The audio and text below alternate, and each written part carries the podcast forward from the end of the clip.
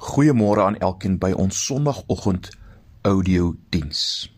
Ons het verlede Sondag begin kyk na die boek Habakuk, 'n uiters gepaste boek vir die tyd waarin ons leef. En vanoggend gaan ons kyk na hoofstuk 2 vers 1 tot 4. Maar kom ons bid net eers saam. Here, ons kom na U toe met 'n verwagting dat U vir ons iets sal leer oor hoe om te leef in die tyd waarin ons onsself bevind leer vir ons uit hierdie gedeelte in Habakuk. Maak ons oë oop, maak ons verstand helder. Praat met ons deur u Heilige Gees. Ons vra dit in Jesus se naam. Amen. Ek gaan vir ons saam lees Habakuk 2 vers 1 tot 4. Ek gaan begin om te lees uit die 2020 vertaling maar ons gaan ook na die ander letterlike vertalings kyk en ons gaan waarskynlik die 1953 vertaling as ons riglyn vir hierdie boodskap gebruik en ek sal verduidelik hoekom. Maar kom ons lees eh, vers 1 tot 4 uit die 2020 nou. Op my wagtoring wil ek gaan staan, ek wil stelling inneem. Dis nou vers 1. Op my wagtoring wil ek gaan staan, ek wil stelling inneem op die vestingmuur, op die uitkyk wees om agter te kom wat hy, dis God vir my gaan sê en wat ek mense moet antwoord oor my verwyd.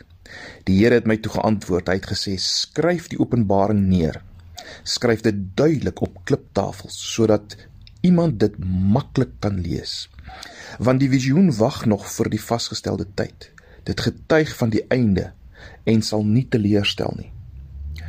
As dit talm, wag daarop, want dit kom verseker, dit sal nie uitbly nie. En dan vers 4: Kyk, hy wat nie opreg is nie, kwyn weg, maar die regverdige, deur sy betroubaarheid sal hy lewe. Kom ons kyk na die 53 vertaling se vers 4 waar die 20 2020 vertaling praat van kyk hy wat nie opreg is nie praat die 53 vertaling van kyk sy siel is opgeblaas so hierdie persoon wat nie uh opreg is nie is opgeblaas, hy's 'n hy's 'n trotsaard as jy wil. Kyk, sy siel is opgeblaas in hom en nie reg nie, maar die regverdige deur sy geloof sal hy lewe. So waar die 2020 praat van deur sy betroubaarheid, vertaal die 53 vertaling dit met geloof. Nou die rede daarvoor is bloot dat die woord in die Hebreëus kan met of geloof of geloofwaardigheid of betroubaarheid vertaal word. Die English Standard Version kies ook vir geloof. Die vertaling eh, lees as volg vers 4: Behold, his soul is puffed up. Weer eens die gedagte van hy's opgeblaas, hy's 'n trotsaard. It is not upright with him, but the righteous uh shall live by his faith.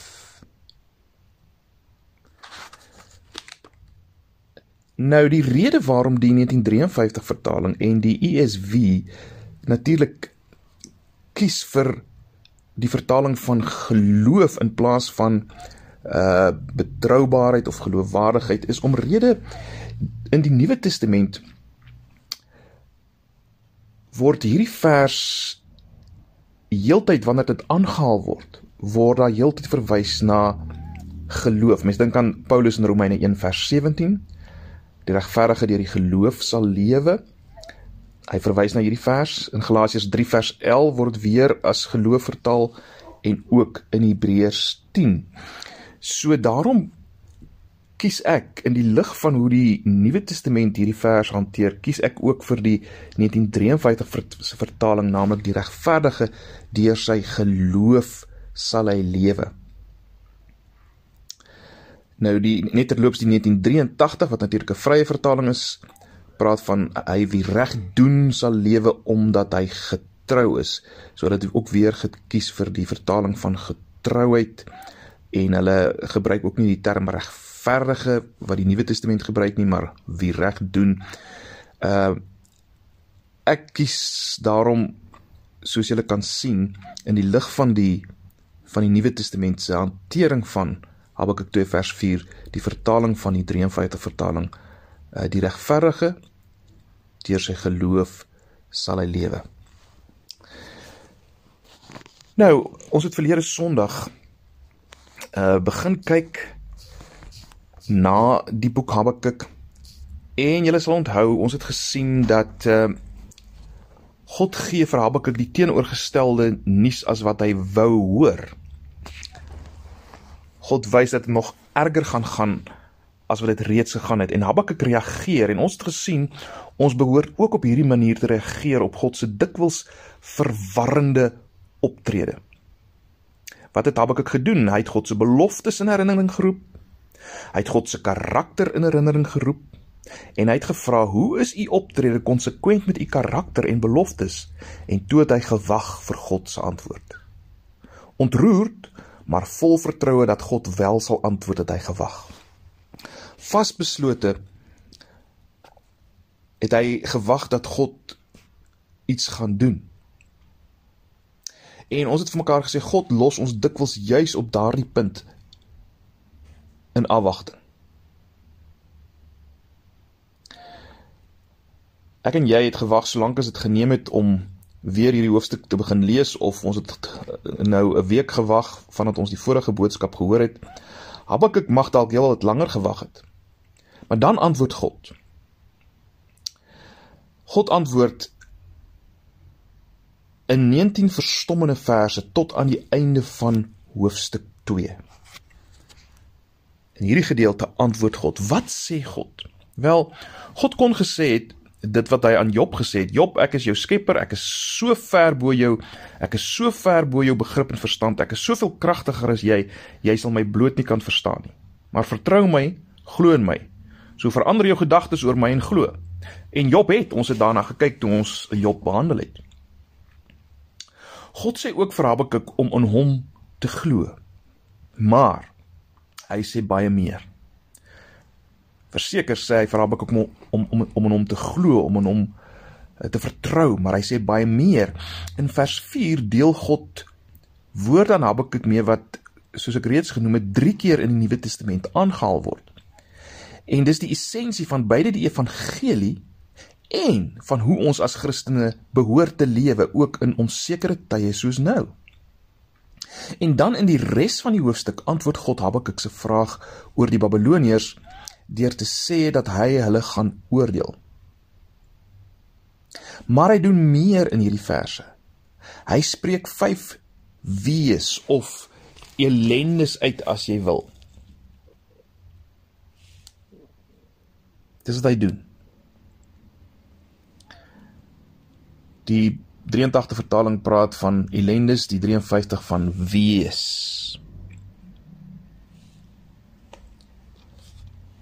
En hy spreek dit uit soos ek gesê oor die Babiloniërs en in elke geval wys hy duidelik dat hulle nie deur geloof lewe nie. Dat hulle nie regverdiges is nie. En deur hierdie negatiewe voorbeelde wys God ons baie duidelik wat die ware betekenis is van lewe deur geloof. Kom ons fokus nou eers net op vers 2 tot 4. En dan sal ek kyk na die vyf oorblywende, kom ons noem dit ellendes in die opeenvolgende hoofstukke. En ons sal veral ook aandag gee aan vers 14 en vers 20 wat nuttig is as mens vandag se gedeelte wil verstaan. Maar goed, kom ons kyk eers bietjie na die belangrikheid van hierdie openbaring. Vers 2 en 3 dien as 'n inleiding tot God se antwoord. En dit sê vir ons eerstens: luister. Luister, hierdie openbaring is belangrik. Habakuk moet dit neerskryf. Soos Habakuk verwag het, gee God nie vir hom 'n antwoord vir homself nie maar vir die hele Juda en natuurlik vir ons. Die woorde wat ons vertalings vertaal met grafeer dit op 'n tafel, dis wat oor die 53 dit vertaal, impliseer dat die woorde groot en duidelik moet wees. Die idee is of skryf dit duidelik op 'n tablet. Ehm uh, op 'n kliptafel soos die 2020 dit sê, skryf dit duidelik daarop in groot letters sodat die boodskapper wat gestuur word om dit aan te kondig, dit kan lees en aankondig terwyl hy hardloop. Dis die gedagte. Of skryf dit in groot letters op 'n tablet en sit dit reg langs die hoofpad sodat almal wat verbygaan self dit kan lees, ook die wat hastig is, né? Nee. As Habakuk vandag geleef het, sou die boodskap waarskynlik gewees het: "Laat dit in neonligte aan die grootste geboue flikker." Hoe dit ook al sê, die idee is baie duidelik. Dis belangrik. So belangrik dat almal dit moet weet. Dis wat ons kry in vers 2 van Habakuk 2. Kom ons kyk nou na die feit dat hierdie openbaring vas staan. Vers 3 stel dit baie duidelik dat hierdie openbaring vas en seker is. En daar is twee dele hiervan uh, uh, twee dele hieraan verbonde. Eerstens is dit seker dat die openbaring sal plaasvind. Dis baie duidelik. Uh, die 53 vertaling lees die openbaring geld vir 'n bepaalde tyd. Dit sal dit sal gou kom want dit kom beslis want dit kom beslis dit sal nie uitbly nie. Die 2020 sê dit sal nie leerstel nie. Uh en en dan en dan gaan hy verder uh in vers 3 en sê as dit talm wag daarop want dit kom verseker dit sal nie uitbly nie. Weereens dieselfde gedagte as in die 53 vertaling baie duidelik dit sal nie uitbly nie. Nou ons weet steeds nie wat die openbaring is op hierdie punt nie, maar ons weet dit gaan gebeur, né? Nee. Ons kon dit ook vertaal het met dit sal nie misluk nie, dit sal nie lieg nie of dit sal nie vals bewys word nie. Daar's geen twyfel nie, hierdie openbaring gaan plaasvind. Maar nie net gaan dit plaasvind nie, dit gaan presies op die regte tyd plaasvind of gebeur. Wat God in uh, hierdie verse sê is dit: As dit mag vertoef, as dit nie gou kom nie, as dit vanuit julle perspektief nie gou kom nie, moenie ongeduldig raak nie. Alhoewel dit vir jou mag lyk of dit versuim, wag, dit sal kom presies op die regte tyd. En dis vir ons moeilik, is dit nie? Ons sê ons glo God, maar ons raak geweldig gefrustreerd met sy tydsberekening. En ons begin so maklik sy beloftes te betwyfel, nê? Nee, Veral ook in 'n tyd soos nou met die COVID en ons sien die ellende rondom ons en mense sterf en en en dan dit wat nou in ons land gebeur het en ons ons bid vir herlewing en ons sien niks nie. Ons moet vanoggend hoor God se beloftes is seker en hulle sal op presies die regte tyd vervul word. Hulle sal nie 'n minuut langer vertraag word as wat nodig is om God die grootste eer te bring en vir sy mense die hoogste goed te bring nie. So dis die algemene boodskap van hierdie vers. Maar wat is die spesifieke boodskap? Ons het steeds nog nie uh, die vraag beantwoord van watter visioen of watter openbaring praat God hier nie. Wat is so belangrik? En gaan so seker gebeur? So kom ons kyk na die inhoud van die openbaring. Duidelik is die openbaring tot groot uh, tot 'n groot mate die antwoord tot Habakuk se vraag naamlik hoe kan 'n perfek heilige God die bose handeling van bose mense gebruik om sy doelwitte te bereik? Ek meen doen dit nie sy karakter geweld aan nie, skade aan nie. Wat is die antwoord tot hierdie vraag uit hierdie eerste 2 hoofstukke van Habakuk? Wel eerstens as ons dink aan hoofstuk 1, is daar alreeds daar 'n paar leidrade in vers 5 en in vers 11. Kom ons kyk na vers 5 waar God sy antwoord aan Habakuk begin met hierdie woorde. Uh die 53 vertaling lees: Die Here het geantwoord: "Kyk na die ander nasies. Julle sal verstom staan oor wat julle sien. Ek gaan nog tydens julle lewe iets doen wat julle nie sal glo as dit vir julle vertel word nie." Dis vers 5. En dan gaan hy voort om te sê die Babiloniërs sal Israel verower, maar hy kom tot 'n baie interessante konklusie. Uh ongelukkig raak 'n baie belangrike woord hiervan weg in die 1983 vertaling, maar ons vind dit steeds nog in die 1953 en ook in die uh 2020 vertaling in vers 11. As ons lees dan gaan die wind verder en steek grense oor dis die 2020 vertaling dan gaan die wind verder en steek grense oor en hy word skuldig. Die een wie se krag sy God is. Ook in 1953 lees ons maar word skuldig hy wie se krag sy God is. Nê nee. so wat die verbuistering en verwondering gaan meebring is nie slegs God se oordeel oor die babiloniërs nie maar ook die feit dat hy hulle gaan skuldig hou En God brei uit op vers 11 wat ons nou gelees het in hoofstuk 2 vers 5 tot 20 waar hy in besonderhede die verkeerde houdings en optrede waaroor hy die Babiloniërs en almal wat hom verwerp gaan straf uitlig. Maar hierdie verse doen iets meer as om te wys dat God sy reg en geregtigheid gaan vertoon. Kom ons kyk net na vers 14 en vers 20 weer van hoofstuk 1. Ons is nou nog steeds besig om net vinnig terug te kyk na hoofstuk 1, né? Nee, kyk net weer na vers 14 en uh vers Ekskuus, ek sê nou ek ek sê vers 14 uh, van uh hoofstuk 1, ekskuus, dis hoofstuk 2 vers 14 en 20. Uh kom ons kyk net na hoofstuk 2 vers 14 en 20. 2 vers 14 lees Ja, die aarde sal gevul word met die kennis van die heerlikheid van die Here soos water die see oordek. Dis hoofstuk 2 vers 14. So ons kyk so 'n bietjie vorentoe, 'n uh, bietjie verder om uh, om meer te sien uh dat God sy reg en geregtigheid gaan vertoon, né? So ekskuus, ek het net nou gesê hoofstuk 1, dis hoofstuk 2 vers 14 en dan ook hoofstuk 2 vers 20. Uh kyk nou ook na vers 20 van hoofstuk 2, maar die Here is in sy heilige tempel, wees stil vir hom o ganse aarde. So wat ons hier sien in hierdie twee verse wat ek nou gelees het, God stel duidelik sy uiteindelike doel, né? Naamlik om sy heerlikheid aan die wêreld openbaar, om die aarde te vul met sy heerlikheid. Kom ons kry dit baie duidelik. Die openbaring wat so belangrik is, is nie slegs ek gaan die Babiloniërs vernietig nie. Dis ook nie slegs ek gaan al die kwaaddoeners straf nie. Nee. Die openbaring is dit ek werk alle dinge met perfekte tydsberekening uh, sodat my naam verhoog kan word oor die hele aarde. Elke skepsel sal voor my buig in stilte. So sien julle hoekom hy sê staan verstom aanskou onder die nasies. Wanneer God sê hy werk alle dinge ten goeie, dan bedoel hy alle dinge.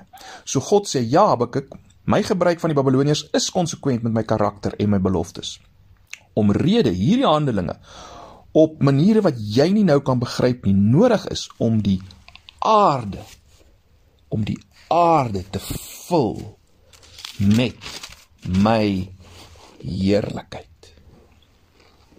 Soos die waters die see oordek. En dit is waar my karakter in sy volste ontplooiing gesien sal word. Maar goed, nou wil ek hê ons moet kyk na die reaksie tot hierdie openbaring en dit is die regverdige sal deur die geloof lewe. Kom ons dink eers wat is die verkeerde reaksie op hierdie openbaring? Wel dis 'n lewe deur aanskoue. Kyk, daar's twee moontlike reaksies tot hierdie openbaring van God en God gee dit beide in vers 4. Die eerste reaksie is die een is die reaksie van die een wat nie opreg is nie, die 2020 vertaling of die uh een wie se siel opgeblaas is, die trotse een volgens die 53. Die reaksie van hierdie een is is dit: Wat? Wag op God. No way. Ek gaan my eie lewe behartig, my eie welvaart verseker, my eie sekuriteit opbou, iets belangriks bereik. Ek gaan iets maak van myself sodat ek geëer sal word. En ek sal 'n meer redelike God wel nog aanbid. So hierdie persoon wandel deur aanskoue, nie deur geloof nie. Hy doen wat redelik lyk, wat blyk sin te maak vir hom. In hierdie gedeelte verwys die een wie se siel opgeblaas is in hom, die trotse een of die een wat nie opreg is nie, Uh eerstens natuurlik na die Babiloniërs weer eens, maar God gebruik dit as voorbeeld. Hy gebruik hulle as voorbeeld van almal wat nie lewe deur die geloof nie. Dink bietjie hoe toepaslik is hierdie prentjie wat hier geskets word. As mens nou dink aan die Babiloniërs. Want die Babiloniërs was 'n volk op die rand van wêreldverowering met geweldige groot vertroue in hulle militêre mag, met groot vertroue in hulle gode Hulle kon almal forceer om hulle gode te vereer. Hulle was seker hulle boue ryk wat op ewigheid sou bly. En tog was die Babiloniese ryk so magtig soos dit was aan die einde van een van die mees kortstondigste uh, of laat ek dit so stel uh, op op die ou end was hulle een van die mees kortstondige wêreldmagte van alle tye. Babylon sou deur die Mede en die Perse binne 70 jaar ingeneem word. En selfs op die piek van die rykse mag het God die keiser platgeslaan soos opgeteken is in Daniël 4 vers 30. Jy sal onthou, daar sien ons het koning Nebukadneser sy eie grootheid een nag bedink en gesê: "Is dit nie die groot Babel wat ek opgebou het tot 'n koninklike verblyf deur die sterkte van my vermoë en tot verheerliking van my majesteit nie?" En wat doen God dan? Hy sorg dat hierdie Nebukadneser 'n psigiese geval word wat gras soos 'n dier eet vir 7 jaar totdat hy sou erken dat die allerhoogste mag het oor die koningskap van die mens en dit gee aan wie hy wil. Gaan lees maar self daar Daniël 4. God het voortgegaan om sy mag oor Babylon tot die einde te bewys. Soos Daniël ons ook in hoofstuk 5 meedeel, het die finale keiser Belsasar 'n fees vir duisende gehou waar hy homself verhoog het en die Babiloniese gode geprys het. God stuur dan 'n hand om op die muur te skryf dat hy wat God is Belsasar geweeg het en te lig bevind het. Die ryk sal van hom weggeneem word. Toe Daniël geroep word om die geskrifte interpreteer, herinner Daniël die koning aan dit wat met Nebukadneser gebeur het en dan praat hy direk met Belsassar daar in Daniël 5 vers 22 tot 23 as hy sê maar u Belsassar sy seun het u hart nie verneder nie alhoewel u dit alles weet maar u het u verhef teen die Here van die hemel en daardie selfde nag het Babylon geval maar die val van Babylon beteken natuurlik nie die einde van verwysings na Babylon in die skrif nie. Uh die belangrikste verwysings na Babylon vind ons in die boek Openbaring. Daar word Babylon as 'n verleidende prostituut geteken, né? 'n Prentjie van die hele wêreldstelsel wat teen God staan en mense weglok van God. En weglok van geloof. Ons sien dit spesifiek daar in Openbaring 17 en Openbaring 18, né? En haar vernietiging vir uh uh word voorspel. Uh word hier voorspel. En ja die die die die vernietiging is word daar uitgebeeld as 'n weelderige stad wat vernietig word. So die onregverdige die een wat verkeerd doen is die een wat nie wandel deur geloof in God nie maar deur aanskoue soos Babylon. En dis die een wat homself verhoog bo God en die dinge van die wêreld bymekaar maak in 'n poging om eer vir hulle self te verkry soos Babylon en soos ons dit in Openbaring uh uitgespel sien. In Habakuk 2 vers 4 verwys die trotse een met ander woorde spesifiek na Babylon, maar algemeen verwys dit na almal wat lewe deur aanskoue en nie deur geloof nie. Die punt van Openbaring is dat die geskiedenis van Babel homself aan die einde van die wêreldgeskiedenis sal herhaal. So kan jy sien hoe relevant is Habakuk vir ons. Want dieselfde dinge is op die spel. Babylon is steeds daar. Babylon is steeds die speler op die verhoog want Babylon staan vir die hele stelsel van denke wat wat nie deur geloof in God leef nie. So wat is die regte reaksie op die Openbaring? As die verkeerde reaksie die re reaksie van van van die Babiloniërs is. Wat is die regte reaksie? Wel, die regte reaksie is lewe deur geloof. God praat so baie van Babylon in hoofstuk 2 juis. Hoekom? Juis om duidelik te maak wat hy bedoel met lewe deur geloof. Hy gebruik dus die negatiewe om die positiewe duideliker in fokus te bring. Soos reeds gesê, sal ons op elkeen van hierdie negatiewe voorbeelde fokus in die volgende hoofstukke om om so meer te leer oor wat dit beteken om deur die geloof te lewe. Maar vir nou, vir vanoggend, kom ons fokus op die beroemde vers uh hierdie vers 4. Ons het reeds verwys na die feit dat dit 3 keer in die Nuwe Testament aangehaal word in Romeine 1 vers 17, Galasiërs 3 vers 11 en ook in Hebreërs 10 vers 38. En In hierdie gedeeltes kry ons die antwoord op twee verskillende vrae. Uh die eerste vraag is goed, die Babiloniërs is onregverdig in God se oë en staar daarom oordeel in die gesig. Hoe kan ek regverdig voor God wees en lewe? Die antwoord: Die regverdige deur geloof sal lewe. Ons word regverdig deur te glo, God te vertrou. Ons word regverdig deur al God se beloftes te glo, sy getrouheid, sy goedheid, sy soewereiniteit en spesifiek sy groot beloftes om dit te vat. Dis interessant die uh die sogenaamde Septuagint, die Griekse vertaling van die Ou Testament vertaal vers 4 en dan praat dit van die regverdige sal lewe deur my betroubaarheid, my getrouheid.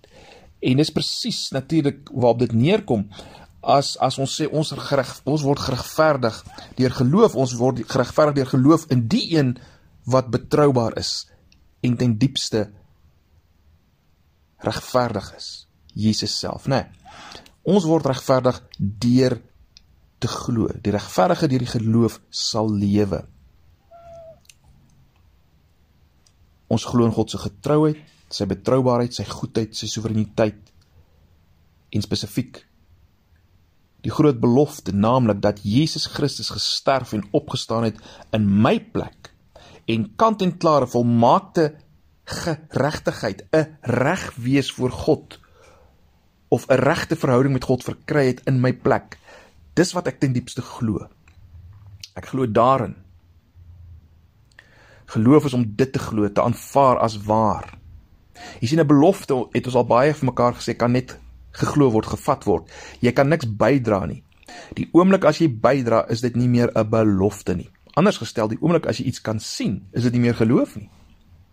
So ek verkry en jy verkry lewe met 'n hoofletter, lewe wat 'n verhouding met God behels. Hoe? Deur geloof in Jesus wat die uiteindelike ware betroubare een is, geloofwaardige een is die een wat in 'n regte verhouding met God en mense is. Maar goed, die tweede vraag is ek is nou regverdig voor God uit genade deur geloof, maar hoe moet ek nou elke dag lewe? En die antwoord is weer die regverdige sal lewe deur die geloof dag vir dag. So met ander woorde die regverdige sal 'n lewe van geloof lewe. Ons lewe die lewe van geloof deur al God se beloftes te glo en deur te doen wat ons verlede week gesien het. Habakuk doen. Met ander woorde, wanneer ons gekonfronteer word met 'n deurmekaar verwarrende wêreld, moet ons onsself herinner aan God se beloftes, aan God se karakter en ons moet wag. So lewe jy deur geloof. So ek hoop jy sien hierdie twee vrae verskil, maar het dieselfde antwoord. Die eerste is natuurlik die vraag na regverdigmaking, nou hoe kom ek in die regte verhouding met God?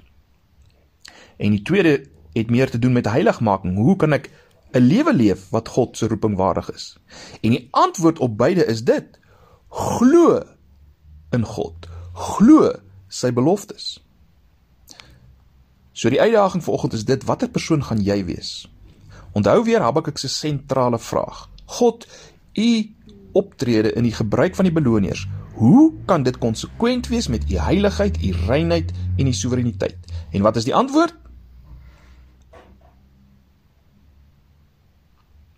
Hulle sal maai wat hulle gesaai het en hulle sal die teenoorgestel kry van dit wat hulle so graag wou gehad het.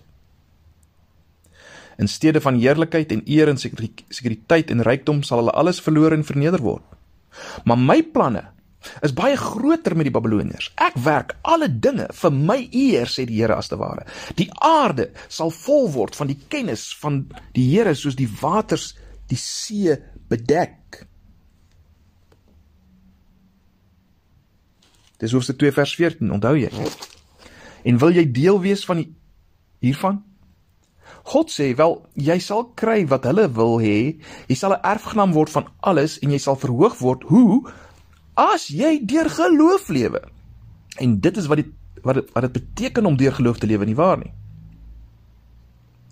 Of laat ek so stel. Wat is dit om deur geloof te lewe? Of wat beteken dit om deur geloof te lewe? Wel, om God se beloftes, sy woord bo alles te ag, om te glo dat hy presies sy beloftes sal sal sal uh, uh, sal vervul op die regte tyd, om sy karakter te vertrou al dui alles in die teenoorgestelde rigting. So dis wat God as te ware sê. Jy sal kry wat die Babiloniërs wou gehad het. Jy sal erfgenaam word van alles. Jy gaan verhoog word as jy deur geloof lewe wat beteken om my beloftes, my woord bo alles te ag, om te glo dat ek presies my beloftes sal vervul op die regte tyd en om my karakter te vertrou al dui alles in die teenoorgestelde rigting. So, Habakuk, die vraag is baie groter as net hoe kan ek die Babiloniërs gebruik om Juda te straf? Ek gebruik ook die Babiloniërs om vir jou en alle gelowiges in alle tye te wys wat dit beteken om deur geloof te lewe en wat die teenoorgestelde is van die lewe deur geloof. Want as jy nie deur hierdie geloof lewe nie, sal jy ook sterf, maar die regverdige in my oë sal lewe deur geloof. Broers en susters, dis as te ware wat God hier sê. So daar is net twee soorte mense, die wat deur geloof lewe en die wat deur aanskoue of sig lewe. Geloof beteken om vas te hou aan wat God sê bloot omdat hy dit gesê het. En op die einde van die dag sal God die begeertes van die wat in hom glo vervul. Buite hom sal die wat deur aanskoue lewe of sig lewe uiteindelik net frustrasies belewe. In hierdie deurmekaar wêreld sal hulle lewe deur aanskoue wat uiteindelik tot totale wanhoop sal lei. Hoe kan ons lewe in hierdie deurmekaar onsinnige, onregverdige wêreld in die Suid-Afrika van nou vol hartseer, vol swaar kry, vol onbegryplike dinge en chaos? Wel, daar's net twee opsies. En vir ons wat sê ons behoort aan Jesus, is die tweede opsie die enigste een, nie waar nie? Naamlik lewe deur geloof. Lewe deur geloof want deur die geloof sien ons Golgotha waar dit ook gelyk het asof die kwaad en hartseer en pyn die boot toonvoer waar dit ook gelyk het asof God onttrek het. Hy was dit gelyk het gelyk het asof hy nie daar is nie. Dis hoe dit gelyk het. Dit dit het gelyk asof God totaal onttrek het op daai oomblikke op Golgotha.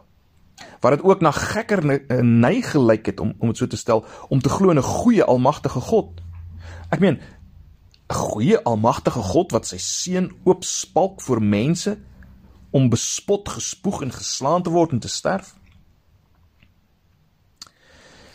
Die een wat deur geloof lewe, weet die kruis en wat daar gebeur het is die sleutel tot die hele Christelike lewe. Waar dit juis lyk of God nie is nie, daar is hy, daar was hy.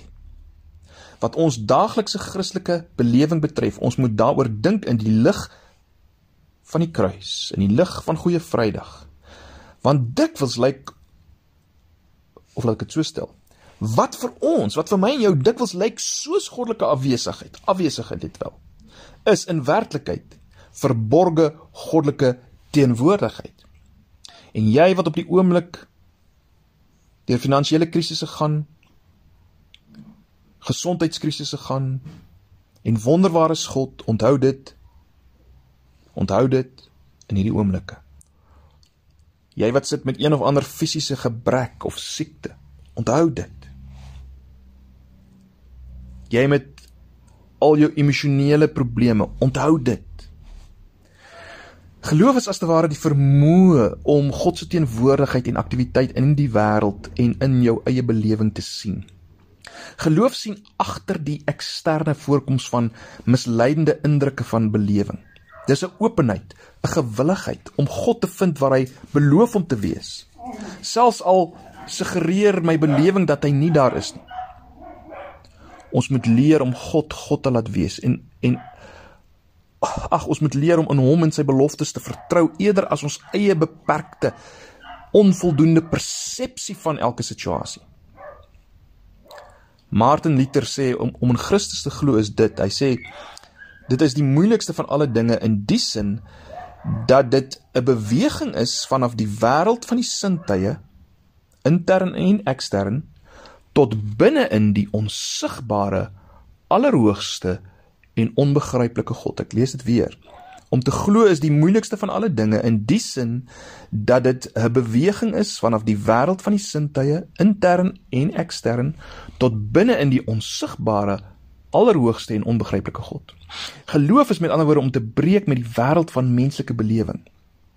Luther meen dat dit net soos Christus of laat ek dit so stel, 'n uh, uh, Luther meen dat net soos Christus opgelukkig opgelig is aan die kruis en geen vaste plek in die wêreld gehad het nie, so hang geloof as te ware halfpad in die lug met geen vaste plek in ons belewing nie.